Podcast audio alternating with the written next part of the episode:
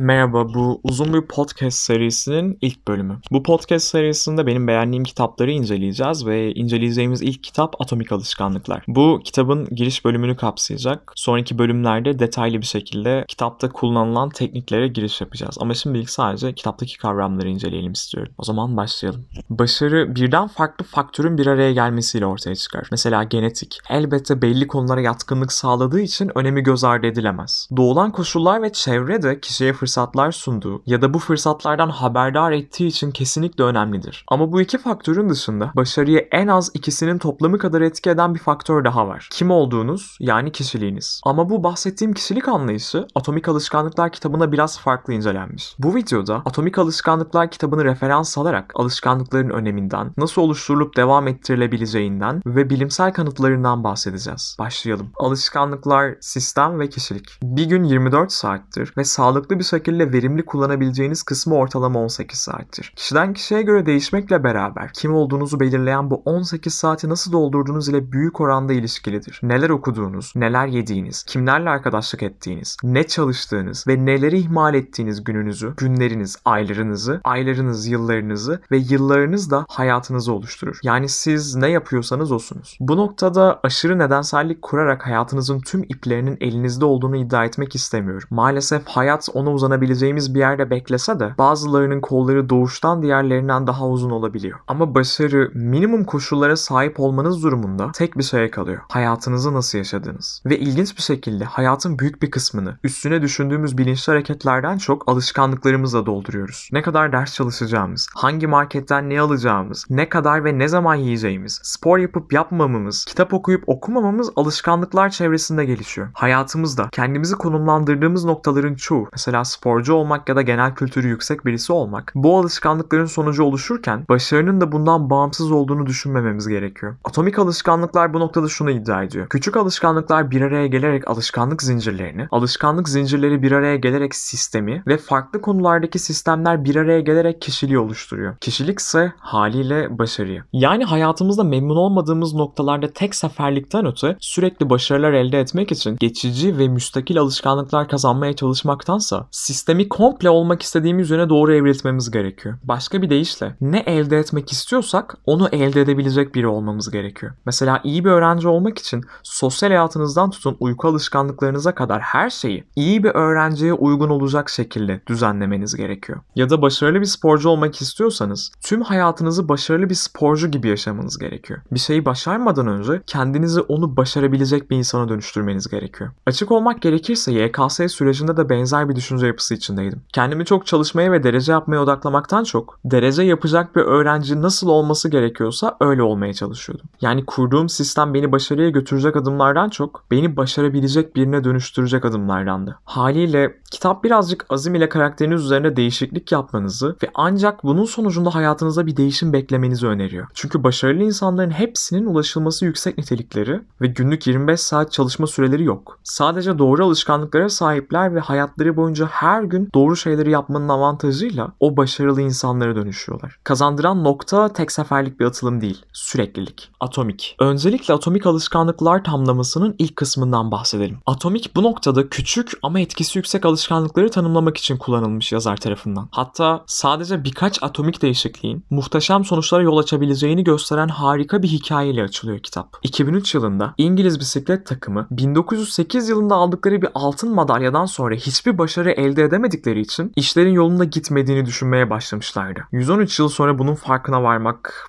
Hmm, birileri raporları çok dikkatli inceliyor olmalı. Takımın reputasyonu artık o kadar düşüktü ki bazı bisiklet firmaları İngiliz takımıyla anılarak bu kötü reputasyondan paylarını almamak için takıma ekipman sağladığını duyurmaktan hatta sadece ekipman sağlamaktan bile çekinir olmuştu. 2003 yılında İngiliz bisiklet takımı 1908 yılında aldıkları bir altın madalyadan sonra hiçbir başarı elde edemedikleri için işlerin yolunda gitmediğini düşünmeye başlamışlardı. 113 yıl sonra bunun farkına varmak birileri raporları çok iyi inceliyor olmalı olmalı. Takımın reputasyonu artık o kadar düşüktü ki bazı bisiklet firmaları İngiliz takımıyla anılarak bu kötü reputasyondan paylarını almamak için bazen takıma ekipman sağladığını duyurmaktan, bazense sadece ekipman sağlamaktan bile çekinir olmuştu. Bu kötü gidişatın üzerine enkazı toparlamak için takımın başına Dave Brailsford getirildi. Ama Brailsford demek çok zor olduğu için podcast'in devamında kendisinden Dave diye bahsedeceğim. Çünkü kendisi askerlik arkadaşım. Dave'in diğer koçlardan bir farkı vardı. Marjinal faydalar ismini verdiği bir felsefe uygulamayı planlıyordu. Marjinal faydalar felsefesi çok farklı alanlarda kolay ama tek başına anlam ifade etmeyecek %1'lik artışlar sağlayarak değişimler yaparak bu artışların birikmesiyle başarıya ulaşmayı hedefleyen bir sistem. Yani Dave tüm takımı bütün gün daha dayanıklı ve daha hızlı hale getirecek bacak egzersizleri yaptırmaya çalışmaktansa daha az çabayla sağlanabilecek %1'lik farklar elde etmeye ve bunların toplamında başarıya ulaşmaya kararlıydı. Bisiklet selelerini daha efektif olması için yeniden tasarladılar. Daha iyi bir yol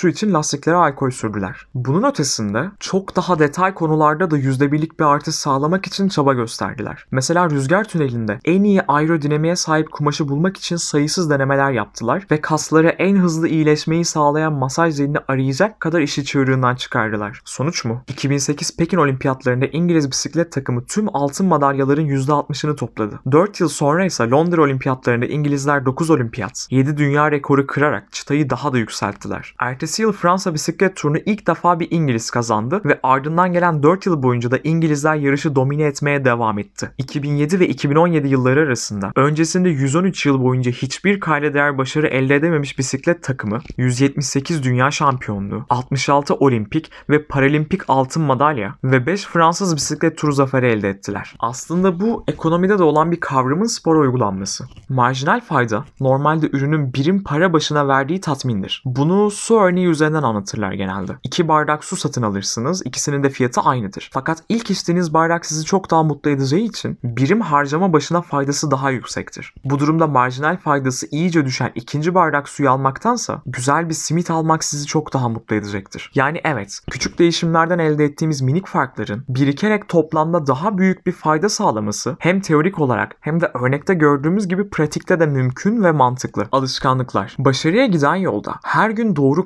kararı vermek ve bunu uygulayacak gücü bulmak kolay değildir. Her sabah kalkıp egzersiz yapmaya karar vermek. Her gün evden çıkıp ders çalışmaya karar vermek. Her sabah yiyecekler arasından en sağlıklısını seçmek. Neyse ki eğer bu podcast'i dinliyorsanız muhtemelen insansınız ve beyniniz belli bir tekrardan sonra belli şeyleri sizin yerinize otopilotta yapmakta fazlasıyla yetenekli. Beynimizin bunu yapmasının temel sebebi beynin tekrarlanan problemlere tekrar tekrar çözüm üretmektense daha az bilişsel efor oluşturacak yöntemlere yönelmesidir. Muhtemelen her gördüğü vahşi hayvanda atalarımızın zihni bunun pençesi var, benim derim ince, bu benden hızlı, bu benden daha güçlü, yanımda silah olsa da derisi kalın duruyor, bu benim canımı okur, kaçsam yakalar, civarda bir şey varsa bağırsam belki duyar beni, en iyisi ben bir bağırayım demektense muhtemelen birkaç seferden sonra vahşi hayvan gördüm, o zaman bağırmalıyım seviyesine indirgemeyi daha verimli görmüştür. Alışkanlıklar genel anlamıyla bu otopilotta hallettiğimiz her şey olarak tanımlanabilir. Hayatımızı kolaylaştıran güzel bir eklenti gibi dursa da kitap bunun ötesinde alışkanlıkları karakterin yapı taşı olarak düşünüyor. Doğulan andan itibaren insan gerek ailesi, gerek okulu, gerekse arkadaşları sebebiyle bilinçsiz bir şekilde pek çok alışkanlık ediniyor ve aslında karakterini şekillendiren yegane faktör bu alışkanlıklar oluyor. Hatta tüm tanımlamaların bu noktada ortaya çıktığını iddia ediyor. Mesela kaç kere spor yaparsanız kendinizi bir sporcu olarak tanımlarsınız ya da kaç kere ders çalışırsanız kendinizi çalışkan bir öğrenci olarak tanımlarsınız. Bu felsefede miktar problemi olarak geçen bir konu. Bir tutam tuzu alıp tane tane yere bırakırsanız hangi noktadan sonra tutam olmaktan çıkar? Ya da yerden 1 lira toplamaya başlarsanız kaç tane 1 liradan sonra zengin olarak tanımlanabilirsiniz? Bu noktada eğer lira topluyorsanız doğru cevap basit. Hiçbir zaman. Neyse. Kitapta bu kavram oy vermek olarak açıklanıyor. Olmak istediğiniz kişiye ulaşmak için yaptığınız her doğru eylem o karaktere verdiğiniz bir oy gibi görünüyor. Tüm varlığınız bir referanduma girmiş ve kendi içinizde ne olduğunuzu tanımlamaya çalışıyorsunuz gibi.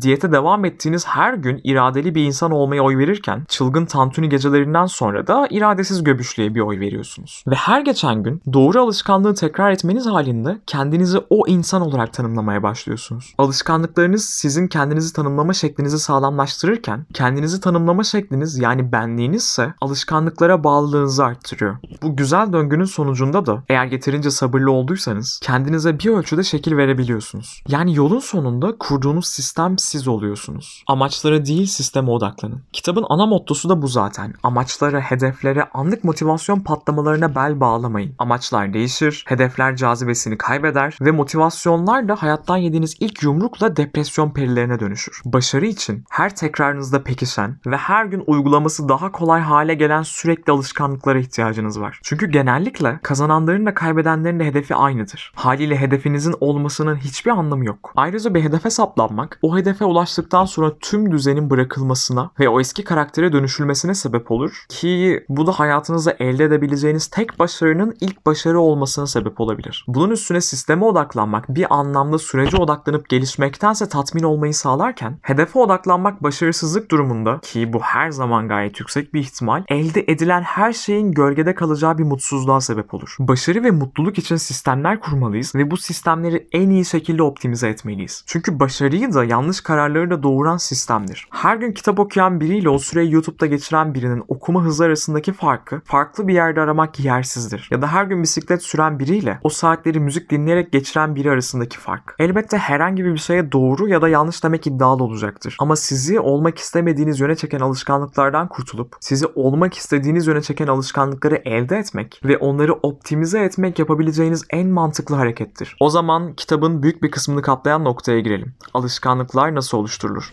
Ve şu anda bölüm sonundayız. Bu ilk bölümdü. Kitabın giriş kısmı ve kitapta genel olarak ne bahsedeceğimizi açıkladığım kısımdı. Bunun gibi 3-4 bölüm daha böyle arada benim video atamayacağım zamanlarda gelebilir. Ya da video attığım zamanlarda ekstra olarak gelebilir. Bunlar kesinlikle ana içerik değiller. Eğer feedbackleriniz, dönütleriniz varsa onları da alabilirim. Çünkü bu podcast konusunda yeniyim ve ne isteyeceğinizi tam olarak bilmiyorum nelerde hata yaptığımı. O yüzden dönütleriniz benim için çok önemli. Umarım hoşunuza gitmiştir. Büyük ihtimalle bu seri yani bu kitap için yaptığım seri bittiğinde bütün kitabı okumuş kadar olacaksınız. Çünkü bayağı detaylı bir özet çıkardım. Haliyle teşekkür ederim dinlediğiniz için. Görüşmek üzere. Abone olup takipte kalmayı unutmayın.